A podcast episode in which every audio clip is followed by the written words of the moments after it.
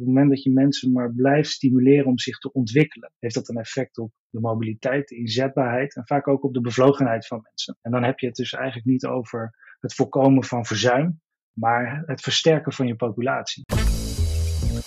Ik ben Daan de Boer, directeur van Adaptix, een vitaliteitsbedrijf, en je luistert naar de HR-podcast. Dit is de HR-podcast van CHRO en HR Praktijk over leiderschap en innovatie in Human Resource Management. Deze aflevering van de HR-podcast wordt je aangeboden door Adaptix. Adaptix is een vitaliteitsbureau met een helder doel: medewerkers blijvend vitaler maken. Want vitale medewerkers zorgen voor een gezonde organisatie. Kijk voor de unieke integrale aanpak op adaptix.nl. Welkom bij de HR-podcast over leiderschap en innovatie in HR. Ik ben Twan Al. En ik ben Pieter Lieversen. In deze aflevering gaan we praten over een onderwerp dat schreeuwt om innovatie en dat is verzuim, of eigenlijk beter het voorkomen van verzuim. Verzuim kost organisaties enorm veel geld door loondoorbetaling, gerelateerde kosten zoals verzuimbegeleiding en niet te vergeten productiviteitsverlies. Dus is organisaties er veel aan gelegen om verzuim te voorkomen en dus in te zetten op preventie en werknemers vitaal en bevlogen te houden. Maar ondanks de goede bedoelingen lijken de inspanningen in de praktijk niet echt te zorgen voor lager verzuim. Vitaliteit en bevlogenheid bestaan veelal alleen op papier. Waarom is preventiebeleid zo weerbarstig en hoe ziet de vitaliteit en bevlogenheid er in de praktijk uit en wat levert het op? Om een verfrissende kijk op vitaliteits- en preventiebeleid te krijgen, is onze gast Daan de Boer. Hij is directeur Adaptix, een bedrijf dat mensen in organisaties helpt om blijvend vitaler te worden. Daan, welkom in de HR-podcast. Ja, dankjewel Twan. Ja, Daan, leuk dat je er bent. En om met de deur in huis te vallen, dat vitaliteits- en preventiebeleid, dat is dus een heet hangijzer voor organisaties. Wat zie je nou in de praktijk bij jouw klanten als ze bij jullie komen voor hulp bij preventiebeleid? Wat is er dan zo al gebeurd? Ja, over het algemeen zie je toch dat een preventiebeleid voor veel bedrijven begint bij het doen van onderzoek. Vaak een preventief medisch onderzoek wat ingezet wordt. Vaak gaat daaraan vooraf nog een risico-inventarisatie en evaluatie. Een technisch instrument om de risico's die er in de, in de arbeidsgerelateerde setting zijn in kaart te brengen. En vervolgens gaat een bedrijf dan verder onderzoek doen naar nou, wat, wat is het effect nou van die risico's, die arbeidsgerelateerde risico's, op de inzetbaarheid van het personeel. Dus dat is geregeld in, een, uh, in de Arbo-wet. Er staat een PAGO-regeling in. Vaak is er bij CAO nog een een en ander geregeld. Vaak zie je dat dat voor bedrijven toch het startpunt is. Hè? Een soort van verplichting, een soort van druk. Van, ja, we moeten iets met die arbeidsgerelateerde risico's. En dan slaan we dat vervolgens om naar preventie. Kan je dan voorbeelden noemen hoe organisaties dan in de praktijk hun preventiebeleid echt invullen of juist niet goed invullen? Uh, voor het invullen wordt, uh, wordt vaak gebruik gemaakt van de geëigende instrumenten. Dus nogmaals, hè, die risico-inventarisatie en preventief medisch onderzoek. Uh, daar komen uitkomsten uit in de vorm van rapporten. En op basis van die rapporten gaat eigenlijk een bedrijf aan de slag met de resultaten. Maar wat je, je vraagt ook, wat ze eigenlijk niet goed invullen. Wat er heel vaak gebeurt, is dat er heel veel aandacht is aan die voorkant. Dus heel veel aandacht voor het doen van onderzoek, heel veel aandacht voor die wettelijke instrumenten. En vervolgens ja, zetten we daar eigenlijk de punt. Uh, dus wordt er gestopt met de verdere opvolging van die, ja, de risicomitigatie, terugbrengen van de risico's die er uh, voor de medewerkers zijn. Ja, daar gaat het natuurlijk niet goed. En waarom wordt die punt dan gezet? Ja, verschillende redenen. Deels zal dat liggen aan het feit dat de adviezen die volgen onvoldoende concreet zijn. Dus bedrijven te veel gaan zoeken van ja, wat moet ik dan voor mijn medewerkers en wat zouden medewerkers zelf kunnen doen. Dus dat is één. Maar ook wel veel gehoord is dat budget op is. En dus er wordt heel veel geld aan de voorkant uitgegeven, uh, ja, waardoor er te weinig overblijft om aan de achterkant te investeren in, nou, ik noem het altijd het impactgedeelte. We geven inzicht. Inzicht is heel erg belangrijk om actie uit te kunnen zetten, maar de impact creëer je met de interventies die je, die je vervolgens inzet. En daar blijft het vaak stokken bij bedrijven. Dus het geld wordt uitgegeven aan de analyse, maar niet aan de interventie. Precies. En Daan, waarom komen organisaties nu bij jullie? Wat geeft ze nu het inzicht dat ze preventiebeleid ja, echt serieus moeten nemen? Dus eigenlijk de volgende stap moeten nemen. Is er dan al een soort van uitslaande brand in het verzuim? Of zijn er andere redenen? Maar je ziet toch wel dat er uh, vaak een vorm van een burning platform is. Hè? Dus uh, een hoog verzuim op dit moment uh, binnen de organisatie. veel verloop of opvolging van ja, zaken die vanuit bijvoorbeeld een, een brancheorganisatie geduwd worden. Dus dan zie je dat er toch vaak wel een externe driver is voor bedrijven om, om met preventie aan de slag te gaan. Gelukkig zien we tegenwoordig ook wel steeds meer dat er vanuit de overtuiging dat preventie belangrijk is en dat je daarmee nou, niet alleen erg voorkomt, we kunnen straks misschien wat verder ingaan op wat preventie dan, uh, dan daadwerkelijk is, maar ook wel vanuit de hele crisis rondom ja, hoe, hoe hou ik mijn mensen nou gebonden en geboeid aan mijn organisatie? Uh, verloop is, is ook een hele belangrijke driver voor heel veel organisaties om met preventie aan de slag te gaan, met de inzetbaarheid van hun personeel aan de slag te gaan, nou, om mensen toch beter bij de organisatie te houden. Ik las um, vorige week volgens mij een artikel in het FD. Ehm, dat ging over ondernemers die een organisatie moeten verkopen omdat ze uh, simpelweg geen personeel meer kunnen krijgen. En dan zul je je moeten gaan onderscheiden in de markt. En dat doe je niet alleen door het bieden van een goed salaris, maar dan zul je ook wel ja, wat andere zaken moeten gaan, moeten gaan aanbieden aan mensen om ervoor te zorgen dat ja, duidelijk is dat het werken bij jouw organisatie toch wel heel erg, heel erg veel leuker is dan bij de concurrent. Dus dat zijn organisaties die het besef hebben dat ze een stap verder moeten gaan. Maar wat voor organisaties zijn dat? Dat zijn niet de organisaties die preventie als een moetje zien. Nee, inderdaad. Wat we zien is dat het veel, vaak de grotere bedrijven zijn waar, um, waar een dusdanig preventiebeleid uh, neergezet wordt. Vaak met een ontwikkelde HR-afdeling. Een HR-afdeling die een bepaald budget heeft, die een bepaalde overtuiging heeft. En van daaruit uh, met de inzetbaarheid van mensen aan de slag gaat. Um, dat is natuurlijk best wel interessant, want binnen het MKB gebeurt het eigenlijk dus een stuk minder. Uh, maar zie je dat de impact van verzuim en de impact van verloop vaak veel groter is dan bij een grotere organisatie. Dus dat is, uh, daar hebben we echt nog wel wat, uh, nog wel wat te winnen.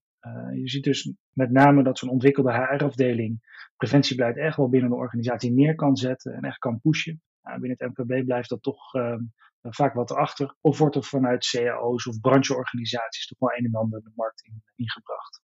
Maar de impact kan groot zijn bij MKB-bedrijven. Ja, de impact uh, kan, eh, kan zeker groot zijn. Uh, denk je maar eens in een, een, een, slager waar, waar een van de medewerkers uitvalt, heeft direct een groot leveringsprobleem. Vaak bij de grotere bedrijven ja, kan het verloop of het, of, de, of het verzuim van één medewerker nog wel opgevangen worden. En van twee en van tien vaak ook nog wel. Als je nu kijkt naar, die, naar de krapte op de arbeidsmarkt, Daan, dan, dan vind ik het wel interessant wat je zo even zei dat het misschien wel zo zou kunnen zijn dat preventiebeleid zou kunnen helpen om aantrekkelijker te zijn voor medewerkers. Zie je dat ook zo? Ja, zeker. zeker. Dat, um, hoe vaak een en ander wordt ingericht bij organisaties, dan hebben we het over duurzame inzetbaarheidsbudgetten of persoonlijke ontwikkelbudgetten, um, waarmee mensen aan de slag kunnen met hun eigen ontwikkeling. Je ziet dat dat over het algemeen een mooie arbeidsvoorwaarde is die er ook voor zorgt dat uh, mensen met hun eigen inzetbaarheid aan de slag gaan een van de belangrijke componenten van inzetbaarheid is bijvoorbeeld ook mobiliteit. Dus op het moment dat je mensen maar blijft stimuleren om zich te ontwikkelen, heeft dat een effect op de mobiliteit, de inzetbaarheid en vaak ook op de bevlogenheid van mensen. En dan heb je het dus eigenlijk niet over het voorkomen van verzuim, maar het versterken van je populatie. En dat is een, een wezenlijk verschil. Ja, maar dat, dat helpt ook in die preventie. Ja, zeker. Dat helpt in, het, uh, in de preventie van verzuim. En het helpt in de preventie van al die andere factoren die een, ja, een, wissel kunnen trekken op je organisatie, zoals verloop, verminderde productiviteit. Ja, ja. Als we nou eens kijken naar dat preventiebeleid zelf, hè, dat is natuurlijk in de praktijk best complex. want preventiebeleid zal er voor een kennisbedrijf met veel jonge kenniswerkers waarschijnlijk anders uitzien dan een productiebedrijf met onregelmatige werktijden en een vergrijsd team. En dan heb je natuurlijk ook nog organisaties waarbij dat per afdeling verschilt. Uh, wat zijn nou de factoren die dat preventiebeleid bepalen? Ja, eigenlijk de, de factoren die het preventiebeleid bepalen, die vallen uh, terug op enerzijds de arbeidsgerelateerde risico's die er zijn, maar anderzijds natuurlijk ook verzuimpreventie. Dan is een uh, rapportage van een bedrijfsarts waarin de verzuimoorzaken beschreven worden. Waarom gaan mensen nou weg bij de organisatie? Waarom vallen mensen uit? Is natuurlijk essentieel om, uh, om inrichting te geven aan je preventiebeleid. Dus als je preventiebeleid ziet als verzuimpreventie, dan is dat een uh, belangrijke richtinggever. Maar wij pleiten eigenlijk voor het veel bredere oppakken van een preventiebeleid. En dat gaat dus niet alleen om het voorkomen van verzuim, uh, maar eigenlijk om het voorkomen van een verlaagde productiviteit. Of misschien nog wel mooier, het versterken van je populatie. Dus niet het, het terugdringen van, van verzuim of het, het voorkomen daarvan, maar juist ja, het vergroten van de bevlogenheid bijvoorbeeld binnen de organisatie en het vergroten van de vitaliteit. Maar jullie koppelen dat dus eigenlijk veel meer aan het rendement van de organisatie en het succes van de organisatie en de mate waarin de organisatie doelen kan behalen. Precies, ja, dat is, uh, dat is zeker zoals we daar naar kijken. Het is zelfs zo dat een aantal van de uitkomsten van scans die we doen en interventies die we doen, dat we, die, dat we daar een business case van kunnen maken. Dus dat we echt kunnen aantonen wat het effect is van een stijgende, uh, stijgend werkvermogen, bijvoorbeeld op de productiviteit van mensen, of stijgende bevlogenheid op de productiviteit van mensen. En dat zijn zaken die we structureel meten voor een organisatie. Uh, en waar we dus ook invloed op hebben met onze interventies die we inzetten. En welke variabelen zitten daar dan zo'n beetje in? Ja, dat is um, uh, enerzijds arbeidsgerelateerde risico's die essentieel zijn om, uh, om in zo'n onderzoek te stoppen. Uh, maar anderzijds gaat het ook wel om alle factoren die de inzetbaarheid van medewerkers kunnen beïnvloeden. En dat zijn in alle, in alle eerlijkheid natuurlijk niet alleen werkgerelateerde zaken. En daar zit ook een stuk leefstijl in. Daar zit ook een stuk uh, bevlogenheid in. Hè. Hoeveel, hoeveel energie haal je nou daadwerkelijk uit het werk dat je doet? Zit je op de juiste plek op dit moment? En al dat soort factoren meten we met een, uh, met een brede scan. En wat zijn nou, uh, als je naar, naar goed preventiebeleid kijkt, wat zijn daar dan de elementen van? Een goed preventiebeleid start met het neerzetten van een goed onderzoek. Dus in kaart brengen hoe staat het nu echt met de inzetbaarheid van mijn populatie? En niet alleen vanuit aannames van het management of aannames vanuit HR, uh, maar echt meten hoe het ervoor staat. Wat vinden medewerkers? Vervolgens aandacht hebben voor de opvolging van die resultaten. En zoals ik in het begin aangaf, gebeurt het te vaak dat we uitgebreid onderzoek doen, medewerkers een advies geven, de organisatie een advies geven. Het rapport belandt netjes in de bureaula en komt er na drie of vier jaar weer uit. Uh, het stof wordt er een beetje afgeklopt om te vergelijken met de resultaten van het onderzoek dat je na drie of vier jaar gedaan hebt. En wat er, uh, wat er dan gebeurt, je ziet dat mensen drie of vier jaar ouder geworden zijn, net even wat minder inzetbaar geworden zijn. En er wordt gezwaaid en er wordt gezegd, nou, tot over drie of vier jaar. Nou, dat is geen preventiebeleid. Goed preventiebeleid is opvolging geven aan de resultaten die uit zo'n onderzoek komen. Dus dat is doorlopend aandacht hebben voor de inzetbaarheid van mensen door het plegen van interventies. Dat is ook kritisch naar het leiderschap van een organisatie kijken. Dat is kritisch naar de cultuur van een organisatie kijken. Daarop interveneren. En niet eens per drie of eens per vier jaar het effect van datgene dat je aan het doen bent meten, maar veel kortfrequenter. Veel korter op de bal zitten om daadwerkelijk de effectiviteit van ingezette interventies te meten. En op die manier kom je eigenlijk in een continue verbetercyclus terecht. Nu noemde je net al uh, leiderschap hè, als een belangrijke factor. Je noemde cultuur als belangrijke factor. En dan heb je ook nog de rol van de medewerkers uh, zelf. Als je nou kijkt naar het leiderschap, uh, welke rol speelt het leiderschap dan? Hè? Zijn ze vooral supporter of moeten ze ook echt een actieve rol hebben? Nou ja, de, uh, de, tendens daaromheen is natuurlijk wel wat veranderd. Hè. Als je kijkt naar de huidige populatie leidinggevenden, zijn het over het algemeen mensen die doorgegroeid zijn vanuit een uitvoerende functie. Mensen die daar heel goed waren. Toen was in het verleden het, uh, het beleid van, nou, als je dat heel goed kan, dan kun je ook wel leiding geven aan het team. En dat kan misschien wel als we het hebben over een manager, iemand die het procesmanagement managt of iemand die de activiteiten managt.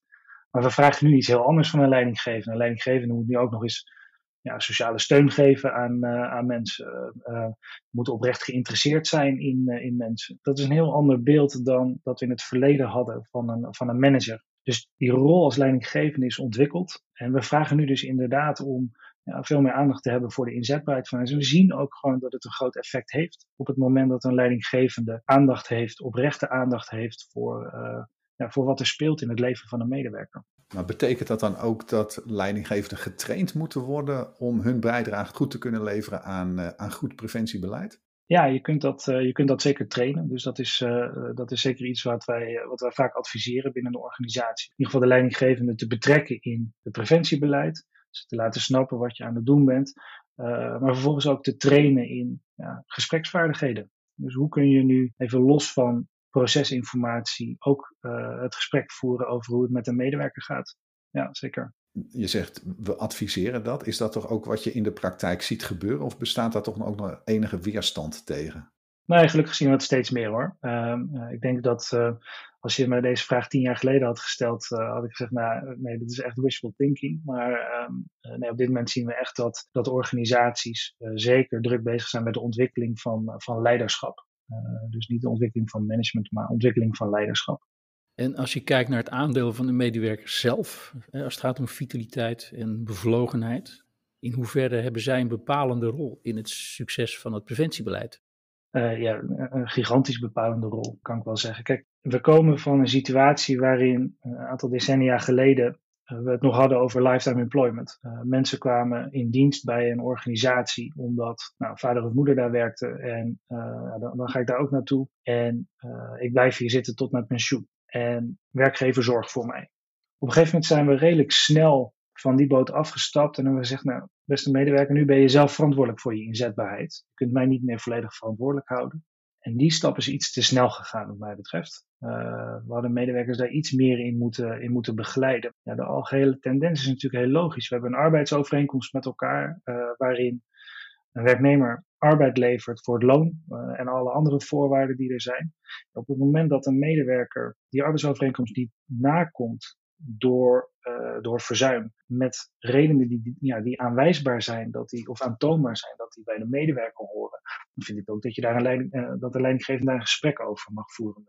Uh, het is natuurlijk wel zo dat een organisatie een groot belang heeft bij het ondersteunen van de medewerker in het ja, belonen van goed gedrag, zeg maar, het belonen van ja, inzetbaarheidsbevorderende activiteiten die een medewerker kan, kan neerzetten. Dus een medewerker is bepalend voor het wel of niet slagen. En je zult medewerkers daar dus ook goed in moeten begeleiden en goed in moeten ondersteunen ja, om de rol te pakken die je van ze verwacht. Maar nogmaals, ik, ik noem die geschiedenis even, dat, dat is wel waar we vandaan komen. Er werd natuurlijk heel veel naar organisaties gekeken uh, om, om zaken op te lossen. En nu kijken we eigenlijk uh, ja, steeds meer ook naar de medewerker om daar een eigen rol en eigen verantwoordelijkheid in te nemen. En dat vind ik een goede ontwikkeling, maar het is wel belangrijk om mensen daarin te ondersteunen. Maar het is natuurlijk best uh, lastig hè, in veel situaties. Als je bijvoorbeeld kijkt naar uh, de facilitaire dienstverlening, uh, veel laag opgeleid personeel, vaak niet eens de beschikking over mobiele apparaten. heel lastig te bereiken. Hoe kijk jij daar tegenaan? Ja, daar zul je dus vormen voor moeten vinden om die populatie toch te bereiken. ja, dat is ingewikkelder, maar die vormen die zijn er zeker. als je het hebt over het doen van onderzoek, noem je net, hè, mensen hebben geen, uh, geen beschikking over, uh, over beeldschermen of niet over een computer. Ja, ik weet dat die populaties er zijn, dus je zult er rekening mee moeten houden. Ik, ik probeer af en toe de discussie wat plat te slaan, want ja, deze mensen hebben ook een bankrekening. En deze mensen die hebben ook een DigiD waarmee ze met de overheid zaken moeten regelen. Maar oké, er is een populatie die, die hier verminderd gebruik van maakt. Dus daar zul je in tegemoet moeten komen. Ook laaggeletterdheid is een, is een belangrijk issue.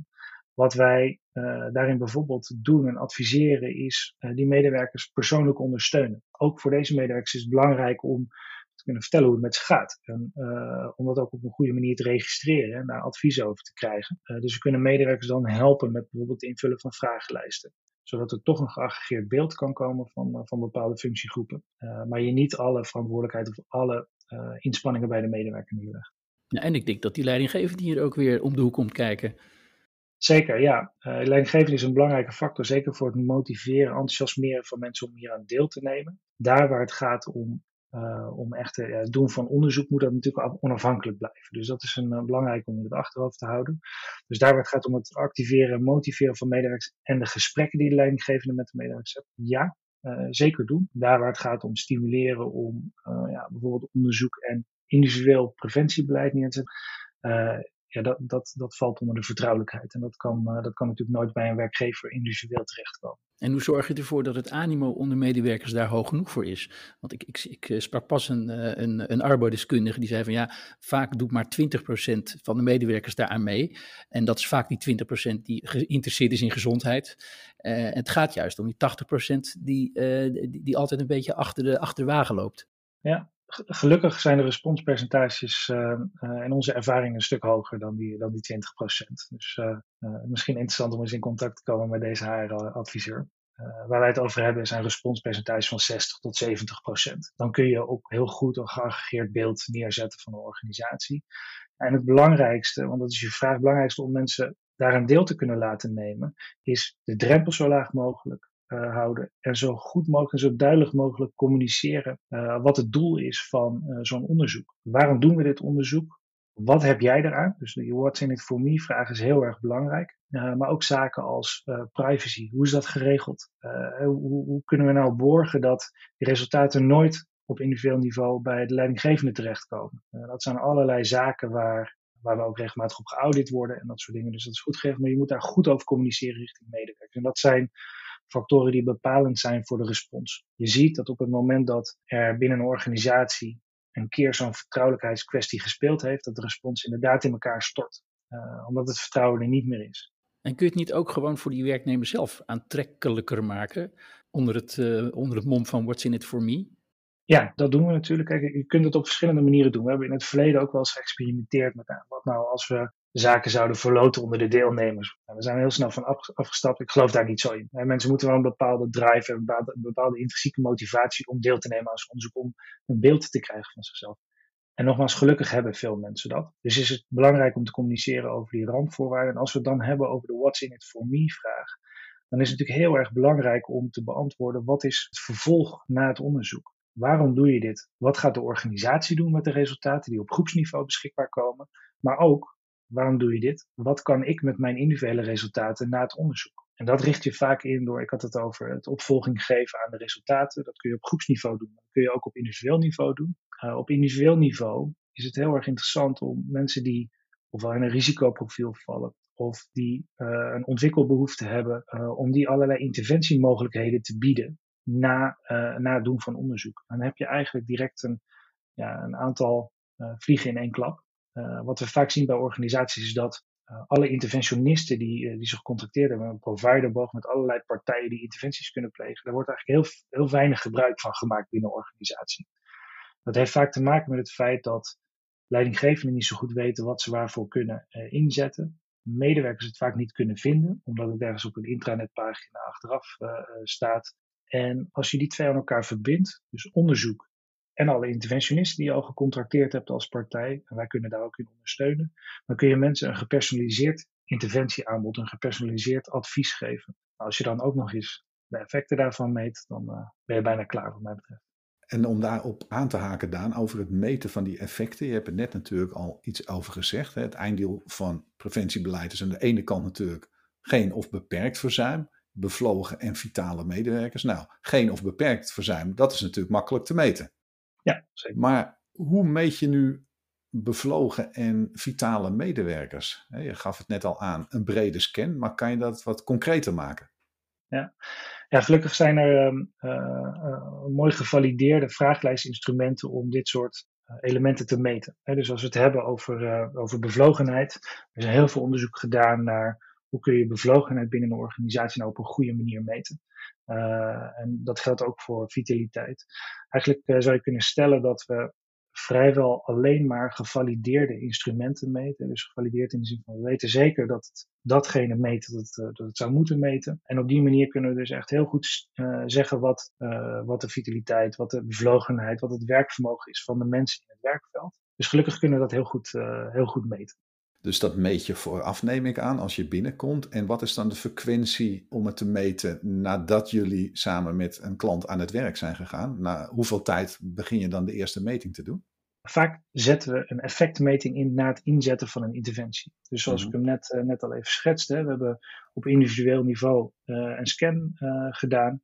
Daar komt, een, daar komt een resultaat uit voor het individu. Nou, we zetten een interventie in, nemen even uh, coaching, vitaliteitscoaching, waarin we een effect willen hebben op, uh, op de inzetbaarheid op langere termijn. Zo'n traject duurt zes tot negen maanden. En na negen maanden meten wij opnieuw hoe het staat met de bevlogenheid, het werkvermogen en de vitaliteit van de medewerker. Na negen maanden?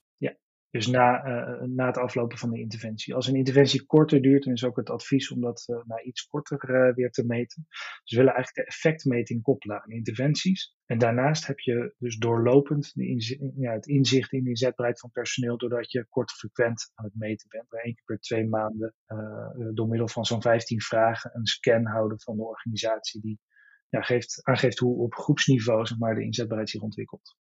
Ik zou graag ook wat willen inzoomen, Daan, hoe dat succesvolle preventiebeleid er nou in de praktijk concreet uitziet. Hè? Je hebt net genoemd een interventie voor individuele medewerkers. Wat zijn nou, kan je een aantal concrete voorbeelden noemen van componenten die eigenlijk dat succesvolle preventiebeleid maken in de praktijk?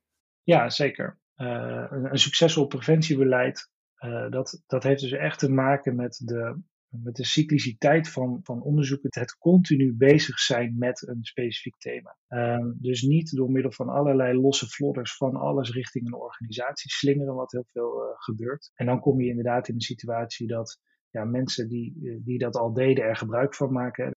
Dat zien we natuurlijk heel vaak op het moment dat je losse vlotters in een organisatie schiet. Uh, maar echt preventiebeleid, dat is iets wat gedragen is vanuit de top van een organisatie. Dat is iets wat gedragen wordt door de leidinggevende binnen een organisatie. En dat is, is wat uh, gedragen wordt en gevuld wordt vanuit de individuele medewerkers binnen een organisatie. Dat is het belangrijkste om in ieder geval als context mee te geven voor een succesvol preventiebeleid. Van daaruit uh, moet je dus continu meten wat het effect is van alle interventies die je inzet.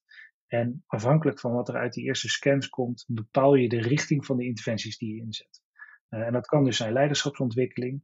Uh, dat kan zijn, we moeten ervoor zorgen dat uh, we meer veiligheid binnen de organisatie brengen. Dus sociale veiligheid of misschien wel fysieke veiligheid, doordat we mensen moeten gaan trainen, waardoor er minder arbeidsongevallen gebeuren. en doordat je continu aan het meten bent, kun je ook continu bijsturen. nou, wat zijn nu de belangrijkste zaken die een invloed hebben op het verzuim of op de bevlogenheid of op de inzetbaarheid van ons personeel? Dus een preventiebeleid is dus ook niet een statisch iets, maar is iets wat continu in ontwikkeling is. Omdat uh, ja, los je het ene op, dan drijft er wel weer wat anders boven, wat dan de aandacht uh, behoeft. Maar op deze manier zijn we er wel van overtuigd dat je eigenlijk continu met de juiste dingen bezig bent. En dat je ook nog eens kunt meten en aantonen dat datgene dat je aan het doen bent effectief is. Ik begon aan het begin van dit gesprek uh, met een vraag van wat hebben organisaties al geprobeerd voordat ze bij jullie aankloppen? Als we nu opnieuw de vraag stellen van wat zie je dan als essentieel verschil dat organisaties nu doen als ze al een poosje met jullie aan het werk zijn in vergelijking met toen ze bij jullie aanklopten? Ja, ja eigenlijk die, die cyclus van continu verbeteren toepassen. Uh, dat is het gedachtegoed dat wij echt willen, willen neerleggen bij onze klanten. En dat betekent dus dat veel klanten bij ons komen met de vraag om, we willen onderzoek doen naar de inzetbaarheid van ons, uh, van ons personeel. En waar wij onze klanten uh, naartoe brengen is ja, van inzicht naar impact, zeg ik altijd. Hè. Dus we, we geven inzicht aan de organisatie, aan het individu. En je wil impact realiseren. En impact realiseren we door interventies te plegen. Dus wij helpen organisaties om dat inzicht goed te krijgen. En op basis daarvan uh, ja, gericht te interveneren. Het effect te meten van datgene dat ze aan het doen zijn. Uh, en op die manier zien we dus ook dat onze klanten eigenlijk structureel bij ons terugkomen. Om, ja, omdat we vooral ook de effectiviteit meten van datgene wat we, wat we doen en adviseren. Ja, Daan, we hebben nu vooral over goed preventie- en vitaliteitsbeleid gesproken en wat het resultaat daarvan kan zijn. Maar stel dat je HR-professional bent en je zit in een organisatie waar dat echt nog in de kinderschoenen staat, of waarvan je denkt van, we zijn eigenlijk uh, een beetje in, in, in rondjes aan het, uh, aan het bewegen. Welke stappen kunnen zij nou zetten op weg naar echt vitaliteitsbeleid en echt preventiebeleid? Uh, een aantal stappen. Uh, altijd beginnen met het in kaart brengen van de belangrijkste regelknoppen die er binnen de organisatie zijn om invloed te hebben op de inzetbaarheid van medewerkers. Onderzoek doen om te weten, zeker te weten, waar je het over hebt. En zeker te weten dat je je acties inzet op de, op de zaken die ook de meeste aandacht behoeven. Um, dan vervolgens een hele belangrijke uitdaging. Zorg ervoor dat er ruimte en geld overblijft voor het opvolgen van de resultaten van het onderzoek. Als je dat niet doet, kun je net zo goed het onderzoek niet doen. Ja, dan voldoe je wel aan je wettelijke verplichting rondom een PMO bijvoorbeeld, maar je kunt het net zo goed niet doen, want je, je hebt geen effect van alleen maar het doen van metingen. Dan vervolgens zorg ervoor dat de effecten van het preventiebeleid continu gemonitord worden en bijgesteld worden. En de belangrijkste is nogmaals, blijf kort op de bal zitten. Dus verval niet in een cyclus van we gaan eens in de drie of eens in de vier jaar grootschalig onderzoek doen. Dat kun je wel doen, uh, maar zorg er dan voor dat dat de belangrijkste eikpunten zijn en dat je tussentijds wel continu bezig bent met inzichtelijk houden van ja, zijn we nou met de goede dingen bezig? Zijn we, zodat die meting na drie of vier jaar ja, niet een grote verrassing is, maar eigenlijk een bevestiging van datgene wat je al wilde bereiken. Ja, ja. dus je begint eigenlijk met het inventariseren van de huidige situatie. Precies. En van daaruit bouw je eigenlijk verder. Ja, precies. Nou, Daan, dankjewel voor deze mooie praktische tips en ook voor jouw verfrissende benadering om uh, vitaal gedrag van organisaties en mensen te vergroten. Bedankt voor dit gesprek. Dank je wel. Dankjewel, Daan. Dit is het einde van weer een aflevering van de HR-podcast over leiderschap en innovatie in HR. Vind je dit een leuke podcast? Geef dan je 5-sterren review in Apple Podcast of Spotify. Heb je suggesties voor gasten voor een volgende aflevering? Stuur dan een mail naar redactie.hrpodcast.nl. Bedankt voor het luisteren en tot de volgende HR-podcast.